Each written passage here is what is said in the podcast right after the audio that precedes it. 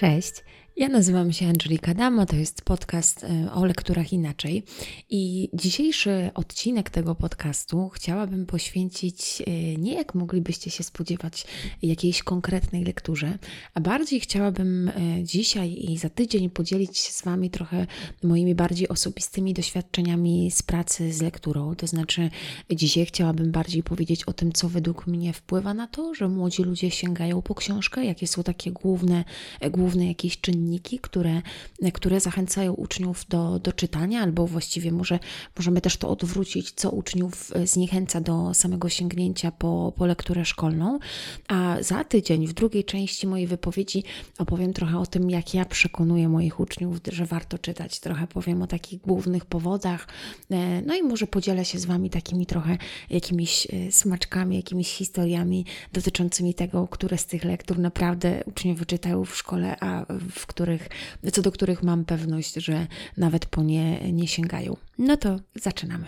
Ja już o tym mówiłam na którymś z podcastów. Jeżeli śledzicie mnie, jeżeli mieliście okazję być tu więcej niż raz i może akurat na ten podcast trafiliście, że to nie jest tak, że ja jako nauczyciel lubię wszystkie książki. To znaczy, niewątpliwie są takie, które wzbudzają moje sympatie, moją sympatię. Są też takie, które kiedyś nie lubiłam. Na przykład takie z panem Tadeuszem. Ja pamiętam doskonale swoje pierwsze doświadczenie z tą książką, kiedy byłam w liceum.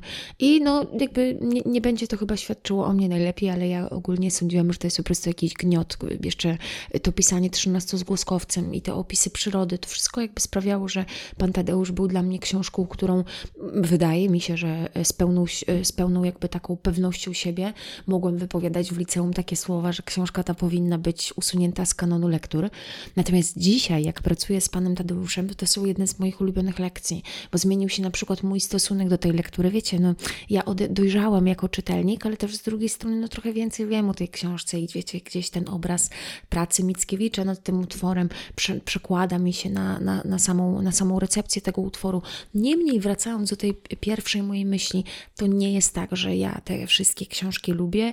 To jest często tak, że no, nawet wczoraj miałam takie zajęcia z jednym z moich uczniów, któremu powiedziałam, że no, że jeżeli chodzi o Żeromskiego, to, to ja bardzo nie lubię omawiać na przykład Żeromskiego w szkole i um, chyba nie będzie tutaj jakimś dużym nadużyciem, jeżeli powiem, że po prostu Żeromski źle się starzeje, że z kolei jest to taka książka, która dzisiaj, czy taki autor, który dzisiaj dla, dla uczniów no, jest totalnie nieatrakcyjny, zarówno jeżeli mówimy o ludziach bezdomnych, którzy znajdują się jeszcze w kanonie lektur, jak i o przedwiośniu, czy na przykład wcześniej w podstawówce syzyfowych pracach, bo wszystkie te utwory są, no moim zdaniem, dość trudne i problematyczne. Ten styl Żeromskiego, ale też wiecie, trochę, nie wiem, czy to źle zabrzmi, pewien system wartości, który został tam pokazany, nie do końca trafia do, do współczesnego ucznia.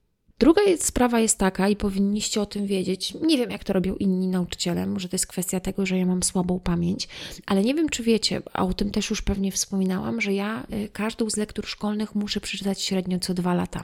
To znaczy, jeżeli zakładam, że w jednym roku szkolnym zrobię jakby wszystkie lektury, które są w kanonie lektur, to każdą z tych książek muszę co dwa lata przeczytać. Czyli jak domyślacie się, często jest tak, że kiedy moi uczniowie czytają książkę, to ja razem z nimi czytam, czy, czytam tę książkę, w sensie równolegle równolegle jakby to robimy, ja to robię w domu u siebie, oni robią to u siebie. No i często wymieniamy się właśnie doświadczeniami z tego, z tego procesu czytania. I to też jest fajne, moim zdaniem mi się to bardzo podoba. Ja lubię na przykład, jak jest, nie wiem, półtora tygodnia do omówienia lektury i mam taką klasę, o której wiem, że rzeczywiście czytają i na przykład zmagają się z tą lalką. Ja no, na nieszczęście swoje też, powiedzmy, w tym roku tę lalkę muszę czytać, to bardzo lubię rozmawiać z uczniami o, o tych, na temat tych wrażeń z procesu czytania. Uważam, że to jest też bardzo ważne jakby nie wiem, czy ta rola jakby pytania ucznia o doświadczenia z procesu lektury nie powinna zostać podzielona pomiędzy nauczyciela i rodzica. Niemniej jakby, no wiadomo, no, ja nie jestem w stanie tak pracować z rodzicami, żeby prosić ich o to, żeby rozmawiali z uczniami o tym, e, jak im się tę książkę czyta. Natomiast ja mogę to robić. Ja mogę też uczniom mówić na przykład o tym, co mi sprawia trudności. Wydaje mi się, że to jest o wiele bardziej wiarygodne, ale też trochę nam uzupełnia jakby całą recepcję książki właśnie o tą indywidualną lekturę, o to, jak się czyta książkę, czy ona sprawia trudności, czy nie. E, no, to, to, to tak tytułem wstępu. I zacznę od takiej jednej anegdoty, która właściwie wprowadzi mnie w pierwszą część mojej wypowiedzi, czyli w te, w te, te takie wyróżnienie jakby pierwszego czynnika, który według mnie wpływa na to, że uczniowie chętniej niż normalnie sięgną po książkę. I właśnie zacznę od tej anegdoty. I, wiecie, ja jako nauczyciel mam taki, mm, taki sposób na pracę z lekturami, że najczęściej, zwłaszcza jeżeli to jest lektura, która w miarę jest jakoś zrozumiała, bo wiecie, trudno robić tego typu ćwiczenia na przykład z weselem, jeżeli chodzi o współczesnych uczniów, zresztą wesele dla mnie też jest dość trudne, ale już tłumaczę na, na czym polega to ćwiczenie. Najczęściej jak zaczynam omawiać książkę, to pierwsza godzina poświęcona jest na takie wolne wypowiedzi uczniów. To znaczy bardzo często jest tak, że my podczas tej pierwszych 45 minut, kiedy ja powiedzmy robię takie wprowadzenie do lektury, rozmawiamy o tym, jak się książka uczniom podobała. I tutaj w zasadzie nie ma złej odpowiedzi. To znaczy, nie jest tak, że, nie wiem, na przykład y, uczeń jest krytykowany przeze mnie, jeżeli odpowie, y, czy opowie coś, y, czy powie coś po prostu negatywnego na temat utworu, który ja lubię, nawet jeżeli ja się z nim nie zgadzam, ba, nawet jeżeli on nie ma racji, bo na przykład on nie potrafi w pełni rozpoznać wartości tego dzieła, to ja bardzo mocno pozwalam na to, by uczniowie na początku swobodnie się wypowiedzieli.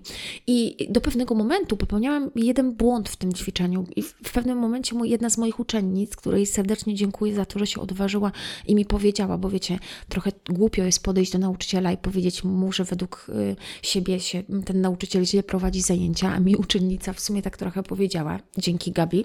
No więc Gabi powiedziała mi jedną bardzo ważną rzecz, która zmieniła trochę moją pracę z lekturami, że ja ten czas, y, powiedzmy tej jednej godziny lekcyjnej dzielę na dwie części, to znaczy zazwyczaj zaczynam właśnie rozmową na temat y, tych wrażeń po lekturze, ale też kończę po omówieniu omówieniu, tą rozmową na temat wrażeń dotyczących omówienia. A wiecie dlaczego? Bo część moich uczniów, jakby i to właśnie ta Gabi mi tak uświadomiła, bo wiecie, no, nauczyciele mają krótką pamięć. Mi się wydaje, że ja pamiętam, jak to było w liceum, a czasem jak traktuję tych moich uczniów w takich różnych sytuacjach w sposób taki bardzo specyficzny, to zdaję sobie sprawę, że muszę, wiecie, zacząć wrócić do takiego myślenia o tym, że przecież ja kiedyś też byłam młodym człowiekiem i też pewnych rzeczy nie rozumiałam i staram się jakby wcielać w te role, czy, czy jakby wchodzić w ich skórę, ale nie zawsze mi się udaje. No i też wracając do tej Gabi, no Gabi powiedziała mi wprost, że chodzi po prostu o to, że czasem tych książek uczniowie nie rozumieją i dopiero po omówieniu lektury ta książka staje się dla nich jaśniejsza i wtedy mogą powiedzieć coś więcej. Ona, ona nawet tak, chyba to właśnie ona powiedziała, takie, takie zdanie, że czasami jest tak, że jej książka się nie podoba po przeczytaniu, a dopiero po omówieniu jest, jest wydaje się być ciekawsza. I to jest w ogóle coś, co, e, co troszkę zmieniło mój styl pracy, ale też coś, co ta, ta anegdotka wprowadzi mnie trochę do pierwszej części mojej wypowiedzi, czyli do tego, że ja uważam, że żeby zachęcić ucznia do tego, żeby przeczytał książkę, trzeba nauczyć go tego, że jeżeli chce wypowiadać się na temat jakiejś książki, to musi po prostu ją znać, niezależnie od tego, czy ona mu się spodoba, czy nie. Bo wiecie, jakby jeżeli uczeń przeczyta utwór, a potem siedzi kilka godzin lekcyjnych tylko tak w sposób standardowy, omawiając po prostu poszczególne, poszczególne części czy poszczególne elementy utworu, to dla niego ta praca może być nieatrakcyjna. Ja nie chcę Wam powiedzieć, że moja praca z lekturą dla uczniów jest atrakcyjna, bo pewnie niektórzy z nich teraz by parsknęli śmiechem i przypomnieli sobie na przykład lekcje z dziadów czy z Kordiana, które są zwykle w moim wydaniu jakoś niespecjalnie efektowne.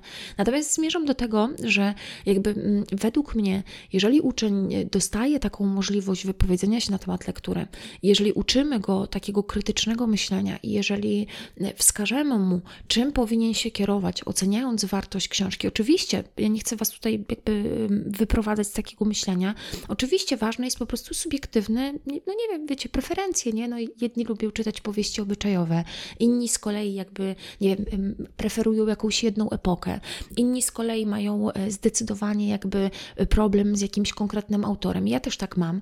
I oczywiście, że ja nie zmuszam uczniów do tego, żeby za każdym razem, wiecie, szukali tych obiektywnych, jakby powiedzmy, e, cech dzieła, które sprawiały, że ta książka im się nie podoba. Bo czasem tak jest, że nie lubimy książki i tyle, no nie, nawet tego racjonalnie nie potrafimy wytłumaczyć. Ale jeżeli podejmujemy jakąś krytykę, zwłaszcza na polu, jakby wiecie, takich rozmów z jakimiś innymi osobami, czyli wymieniamy się jakimiś takimi wnioskami, no to dobrze jest uczyć takiego argumentowania, które jest oparte o jakieś konkretne elementy dzieła.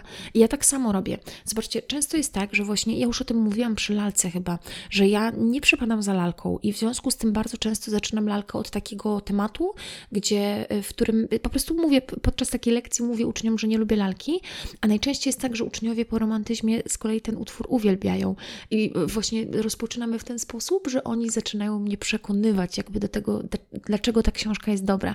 I to jest spoko ćwiczenie, bo wiecie, bo ja odpieram te argumenty, oni muszą szukać argumentów silniejszych i tak przez 45 minut powiedzmy próbujemy nawzajem się przekonać, dochodzimy powiedzmy do jakiegoś takiego konsensusu, ale przy tym też ważna jest praca nauczyciela, które, który uczy ucznia, które argumenty są dobre, a które nie.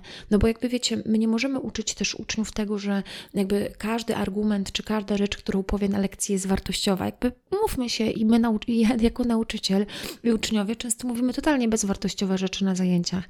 Więc ja podczas tych rozmów staram się też właśnie być takim trochę y, kierownikiem tej całej rozmowy, o moderatorem, o bardziej tej dyskusji, może to by było lepsze określenie. I staram się jakby właśnie jakby zwracać uwagę uczniom na to, które z ich argumentów są silne, a które nie. Wydaje mi się, że właśnie mm, odnośnie jeszcze tej dyskusji, o której mówiłam nad tymi walorami dzieła i tej takiej możliwości polubienia bądź niepolubienia e, dzieła na lekcjach języka polskiego, to mi się wydaje, tak wybaczcie, że tak powiem e, trochę od siebie, że w sensie cała ta wypowiedź jest ode mnie, nie wiem za co, przepraszam, ale chodzi mi po prostu o to, że to na poloniście spoczywa po odpowiedzialność, żeby uczyć ucznia tego typu elementów, wiecie. I nie chodzi mi tylko o kształtowanie wypowiedzi do matury, nie? Żeby ten uczeń, uczeń potrafił mówić i mówić jeszcze coś sensownego, ale pomyślcie o tym szerzej nie wiem, zamknijcie oczy i przypomnijcie sobie, jak było w waszej szkole, na przykład, jak was traktowali nauczyciele.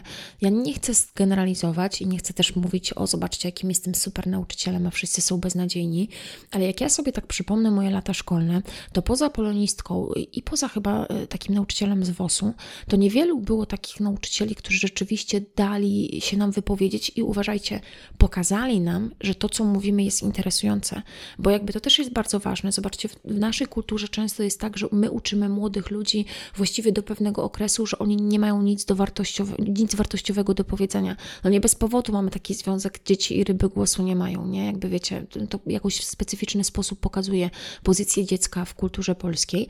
A potem nagle w wieku 18 lat ten młody człowiek, którego który wcześniej nie miał nic wartościowego do powiedzenia, musi jakby mierzyć się z podejmowaniem decyzji, zabierać głos często w sytuacjach publicznych i w ogóle nagle po prostu staje się dorosły i ukształtowany.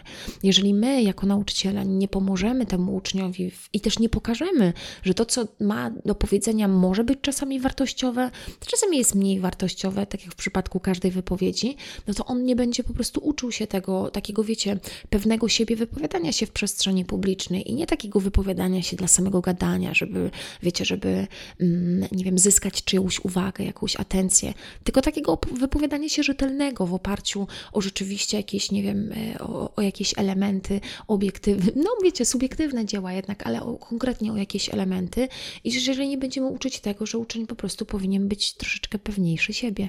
I jeżeli ktoś z Was zapytałby mnie, jakby co według mnie tak naprawdę wpływa na to, czy uczeń przeczyta książkę, czy nie, no to ja oczywiście za chwilkę powiem o tym relacji z rodzicami i powiem trochę o takim sposobie traktowania przez poszczególne, przez kulturę poszczególnych utworów, ale zacznę od tego, że według mnie na to, czy uczeń przeczyta książkę, czy nie, wpływa chemia pomiędzy nim a nauczycielem.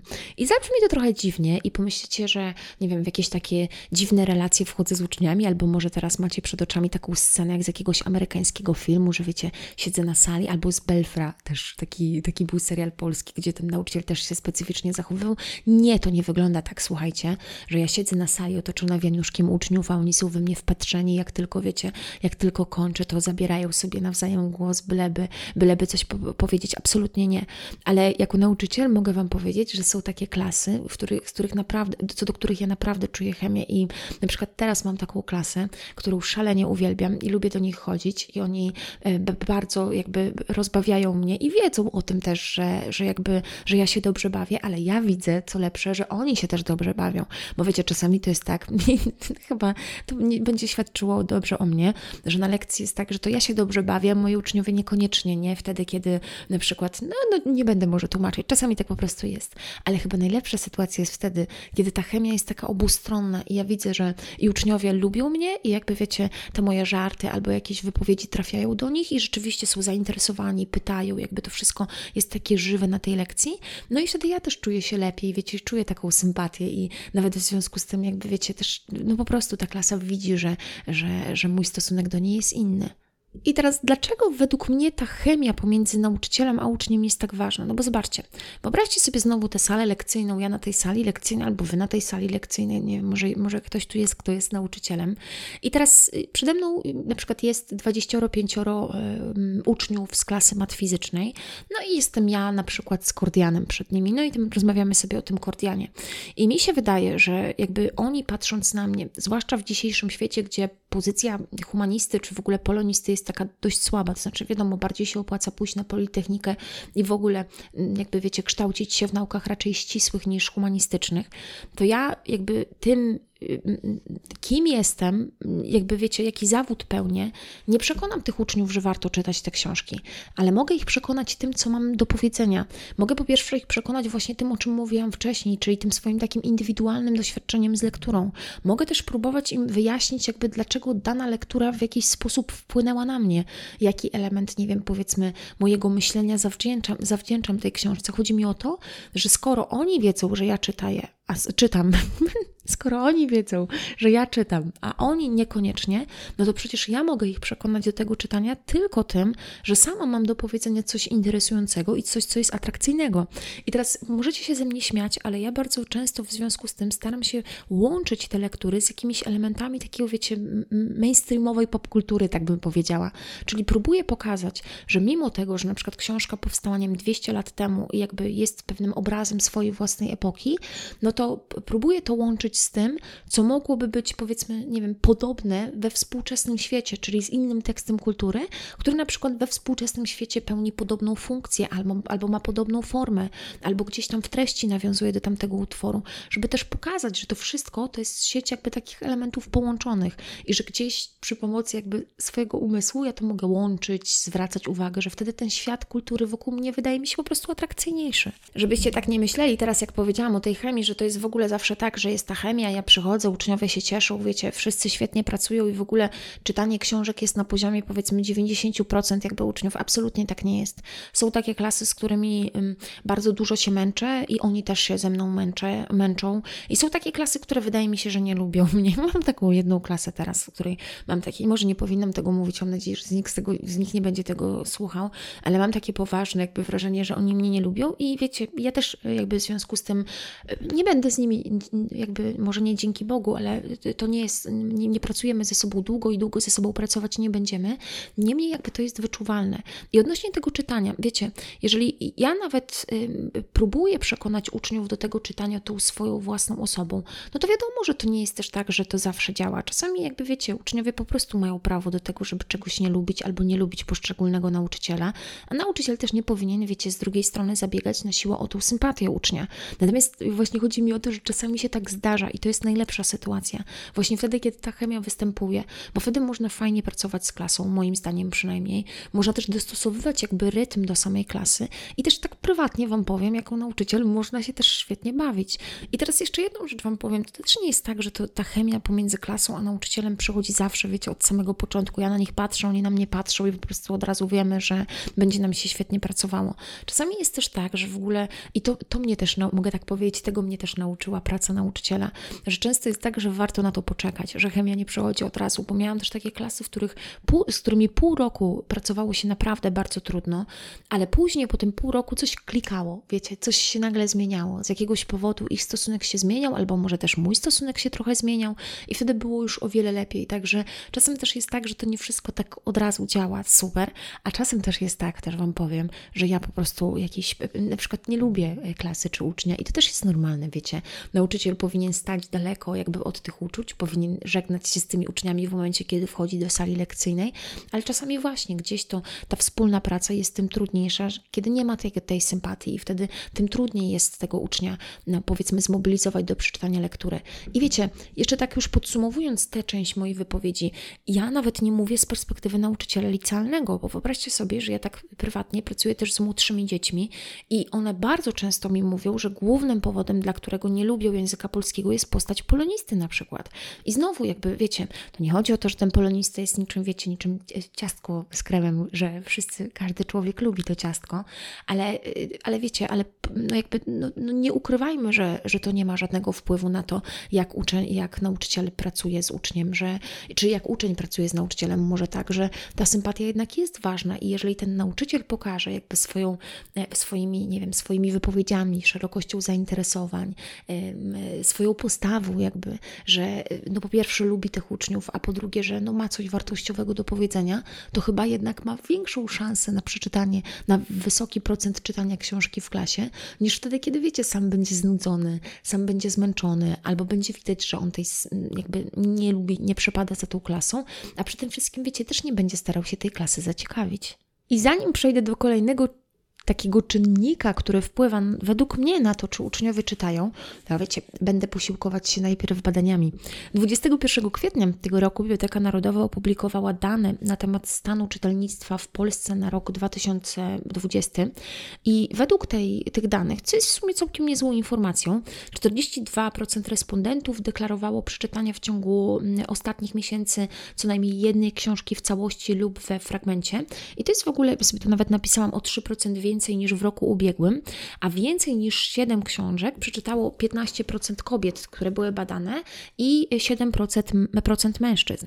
A ciekawe są też te badania w grupie wiekowej 15 do 18, bo w grupie wiekowej 15 do 18 lat 76% deklaruje czytanie książek. I w ogóle zerknijcie sobie do tych badań, tak zanim przejdę do nich i jeszcze dalej będę o nich mówić, bo ja tylko wybrałam raptem kilka takich elementów tych badań, natomiast one są dość ciekawe. Tam są różne czynniki badane, które wpływają też na czytelnictwo. No i tutaj nie, nie wiadomo, nie będę, nie będę, nie chciałam całych tych badań omówić, ale no serdecznie wam, je, serdecznie wam je polecam. I e, ciekawe jest jednak to, że 31% badanych, tutaj mówimy akurat o dorosłych, nie ma w domu żadnych książek lub są to tylko podręczniki szkolne, a wśród dzieci do 18 roku życia aż 11% nie ma w domu żadnych książek, a 12% ma tylko podręczniki szkolne. I jakby e, tutaj tylko powiem, że jeszcze tak dodam, że przeszło połowa księgozbiorów zabiera do, zawiera do około 50 tomów. Czyli spośród wszystkich ludzi, którzy mówią, że w domu mają książki, to ponad połowa księgozbiorów to jest tylko 50 tomów. I teraz wiecie, zanim powiem o tym czytelnictwie, to najpierw chcę powiedzieć, że też yy, nie chcę powiedzieć, że tych badań nie chcę brać poważnie, ale podam, przytoczę Wam pewną anegdotkę. Jak byłam chyba w pierwszej klasie podstawówki, to jest jedno z moich nielicznych wspomnień z dzieciństwa. Mieliśmy takie zajęcia na jakieś, czy może druga albo trzecia, to była w każdym razie byłam jakaś bardzo mała. Mieliśmy jakieś na temat żywienia z zajęcia i pamiętam do dzisiaj, jak pani zadała takie pytanie, czy, yy, czy ktoś, czy jemy warzywa. I większość dzieci nie podniosła ręki, a pani wtedy zadała pytanie, a kto jadł ostatnio na obiad ziemniaki? I wtedy wszyscy podnieśli rękę. Wydaje mi się, że z tym y, brakiem jakichkolwiek książek w domu wśród młodzieży może być tak, że młodzież po prostu nie zdaje sobie sprawy, że tego, jakie książki czyta, ale jakby, czy jakie książki znajdują się w ich domu, więc może nie do końca powinniśmy te badania tak na super poważnie wziąć, ale ja chcę zwrócić uwagę jakby na jedną rzecz, że w grupie, w której, która nie posiada w miejscu zamieszkania żadnych książek, czytelnictwo deklaruje tylko 6% uczniów. I jeszcze raz, ponad 20% dzieci w Polsce żyje w domach, gdzie nie ma książek lub są to tylko podręczniki szkolne. I teraz jakby zobaczcie, nie zrozumcie mnie źle. Ja sama wyrastałam raczej w takim domu bez książek. Jestem, no moi rodzice jakby nie są polonistami.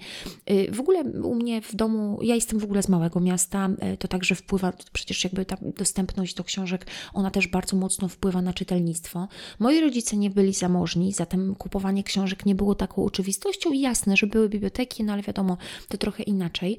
A jednak jakby zobaczcie, pomimo tego, że moi rodzice nie byli polonistami, pomimo tego, że sami nie czytali, pomimo tego, że ja jestem z małego miasta i nie byli oni zamożni, no to jestem polonistą.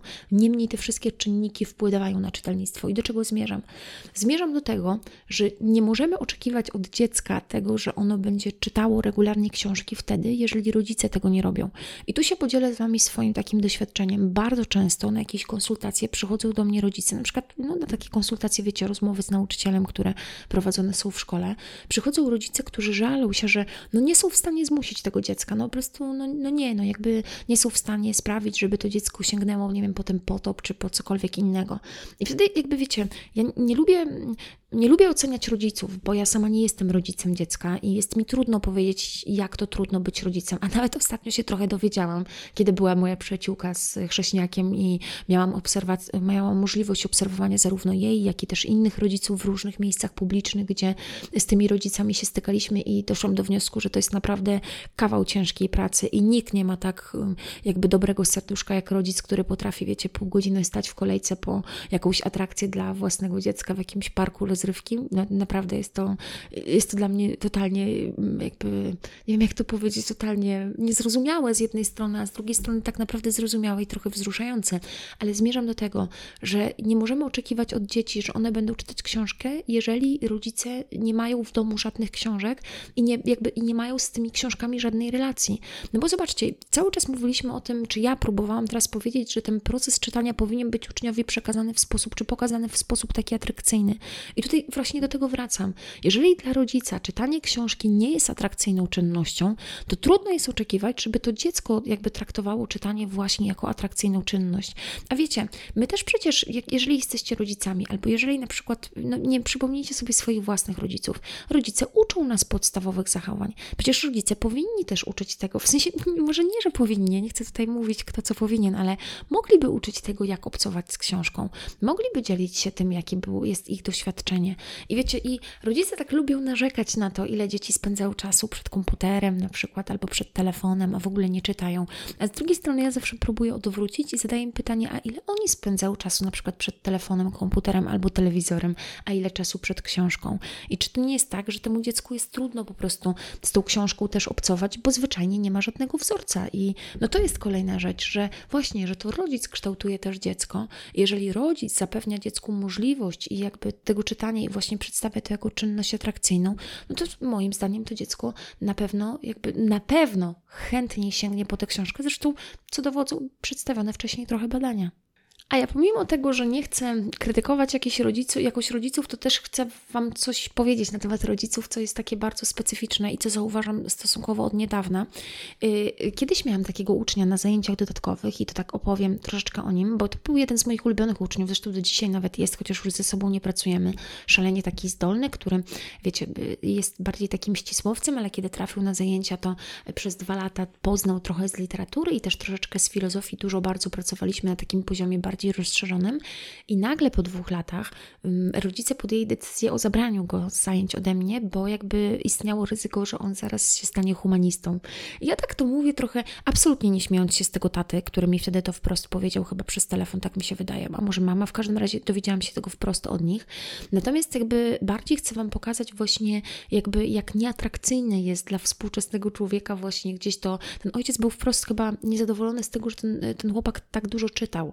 I to jest też właśnie bardzo ciekawe, że gdzieś uważa się, że no właśnie, że ten, ta takie lektura może psuć albo na przykład skierować uwagę dzieci na trochę inne tory, a jednak nie na te tory, które zapewnią im trochę lepszą karierę, wiecie, trochę lepszą przyszłość i właśnie, nie wiem, start na politechnikę, a nie, a nie może na, na polonistykę na uczelni. Więc gdzieś tutaj musimy też zrozumieć, y, ja nie chcę oceniać tego ojca, żebyście też nie myśleli, że opowiedziałam tę historię, żeby powiedzieć, zobaczcie, haha, jaki prostaczek, jakby nie chcę, żeby jego syn czytał. Absolutnie nie, ja go nawet rozumiem i sobie tak pomyślałam, że okej, okay, z jego strony to mogło wyglądać dziwnie, gdzie nagle po dwóch latach, gdzie jego syn czytał mało, nagle okazało się, że nie wiem, kupił kilkadziesiąt tomów, albo też ode mnie dostawał dużo książek, w związku z tym jakby mógł sobie spokojnie je w domu czytać i może te jego zainteresowania trochę bardziej niepokoiły rodziców, ale właśnie gdzieś pokazało mi to taki zwrot właśnie, że rodzice nie cenią też e, takiej wszechstronnego rozwoju dziecka, raczej jakby bycie humanistą często może im się wydawać jakby nieatrakcyjną drogą dla, dla, dla ich dziecka. I ostatnią rzeczą, już tak na zakończenie i bardzo króciutko, to chciałabym Wam jeszcze powiedzieć o jednej rzeczy, która według mnie sprawia, jakby, że uczniowie chętniej niż niechętnie, nie wiem, to chyba źle skonstruowałam, chętniej sięgną po książkę, jest to, że lektura powinna być żywa. Ja już wytłumaczę o co chodzi. Ja już trochę wspominałam na tym podcaście o mnie, o tym, że ja jestem taką osobą, która bardzo lubi biografię i w ogóle intymistykę. Wiecie, te wszystkie listy, dzienniki, jakieś takie biografie albo autobiografie, to jest coś, co mnie bardzo bardzo mocno interesuje. Ale to jest też to jest coś, co ja staram się wykorzystywać na lekcjach języka polskiego. To znaczy uważam, że to nie jest problem wbrew temu, co mówią wszyscy, że ten lista lektur jest taka anachroniczna i w ogóle jakby wiecie, że Boże, po co dzieci mają to czytać? No jakby, wiecie, no warto czytać pewne rzeczy, które, ja to tym powiem pewnie za tydzień trochę więcej, ale warto czytać pewne rzeczy, które pokazują nam, jaka była dawniej kultura polska. Lista lektur, wiecie, to nie jest jakby tylko lista, która powinna skupiać się na tym, żeby uczniowie czytali książki, które są łatwe, przyjemne i jakby wiecie, no po prostu, one mają też pokazać im w dużej mierze to, jak, jak wyglądała kultura polska na przestrzeni jakby różnych, różnych epok. No i, ale dobra, do tego jeszcze wrócę za tydzień. Zmierzam do tego, że ja staram się za każdym razem tak robić, że wiecie, że nawet jeżeli ta książka jest stara i nawet jeżeli wydaje się uczniom anachroniczna i nawet jeżeli jest tak, że ten autor, wiecie, gdzieś tam jest jakimś tam, nie wiem, wieszczem i w sumie uczniowie bardziej w głowie swojej gdzieś tam mają go na piedestale ustawione, to ja staram się opowiadać różne anegdotki i historie, które trochę tego autora z tego piedestału ściągną. I na pewno każdy nauczyciel tak robi. Domyślam się, że każdy nauczyciel ma jakąś taką pulę anegdotek na temat poszczególnych pisarzy, które opowiada właśnie po to, żeby ci pisarze byli bardziej ludzcy, żeby oni byli bardziej z krwi i kości, żeby oni wydawali się tym uczniom jakby autentycznymi postaciami, a nie tylko jakimiś takimi, wiecie, typami, którzy żyli kilkadziesiąt lat temu i teraz próbują powiedzieć, jak żyć. A już w ogóle nie wspomnę o tym, że przecież uczniowie, ja też staram się absolutnie ich nie przekonywać do tego, żeby traktowali jakby utworu jako pewien system wartości, czyli że ten utwór ma im pokazać, jak powinni żyć. Nie, absolutnie, ale wiecie, co może pokazać? Może im pokazać, jak dany bohater zachował się w jakiejś określonej sytuacji. Może ich poszerzyć wiedzę na temat świata, bo przecież wiecie, oprócz tego, że książka na przykład pochodzi z romantyzmu, to przecież nikt nie zaprzeczy z Was, że ona nie tylko może być obrazem epoki, ale ona nam może też pokazać coś uniwersalnego na temat natury człowieka. O nie wiem, może Wam się wydaje, że jesteście tacy wyjątkowi i że ten świat tak szybko się zmienia, że my nie mamy nic wspólnego z ludźmi, którzy żyli 200, 300, 500, 800 lat temu, ale ja Wam mogę powiedzieć, że mamy sporo wspólnego i między innymi o tym też mówią nam książki. I już podsumowując, nie zrozumcie mnie źle. Moja dzisiejsza wypowiedź nie miała na celu krytykowania technik różnych nauczycieli czy metod wychowywania dzieci. Absolutnie, jeszcze raz to powtórzę. Ja sama nie mam dziecka, mam dużo szacunku wobec rodziców i w ogóle wobec też innych nauczycieli, no bo wiecie, pracuję dopiero kilka lat i też wiadomo, mój stosunek do uczniów jest trochę inny, ale sam, wiecie, istotne jest to, że ja wypowiadam się raczej za siebie, mówię bardziej ze swojej takiej pozycji i chcę powiedzieć jeszcze jedno. Mi bardzo bardzo często się zarzuca, już to nawet słyszałam jakby w komentarzu do jakiejś jednej ze swoich wypowiedzi, że ja jestem taką osobą, że w sensie, że to jak ja pracuję z uczniami, to jest efekt tego, że jestem młoda. I oczywiście, że tak, wiecie, wiadomo, że pewnie kiedyś jak będę bardziej zajęta swoim własnym życiem i jak już kiedyś dorosnę, to być może e, moja praca z uczniami się zmieni, ale to jest normalne. Uczniowie też jakby się zmieniają i nauczyciele też się zmieniają i dorastają. Dopóki jestem niepoważna i dopóki jestem niedorosła, to mogę też właśnie gdzieś tam bawić się z tymi moimi uczniami, starać się balansować na takiej relacji, wiecie, ni to, nie chcę powiedzieć kumpelskiej, bo chyba nikt z moich uczniów nie powie, że ma ze mną relację kumpelską, ale na takiej relacji bardziej powiedzmy towarzyskiej, ale wiadomo, że wiecie, jak będę już bardziej doświadczonym nauczycielem, jak będę bardziej poważna, to wtedy te lekcje będą zawierały też, czy będę wykorzystywała podczas zajęć inne metody, ale wiecie, nie można czynić komuś zarzutu z tego, że na przykład, y, nie wiem, że jest młody i jemu się chce trochę inaczej pracować z uczniami, no bo to żaden zarzut nie jest, nie? To jest tak, wiecie, to tak w każdym przypadku tak jest i to absolutnie nie jest też nic dziwnego.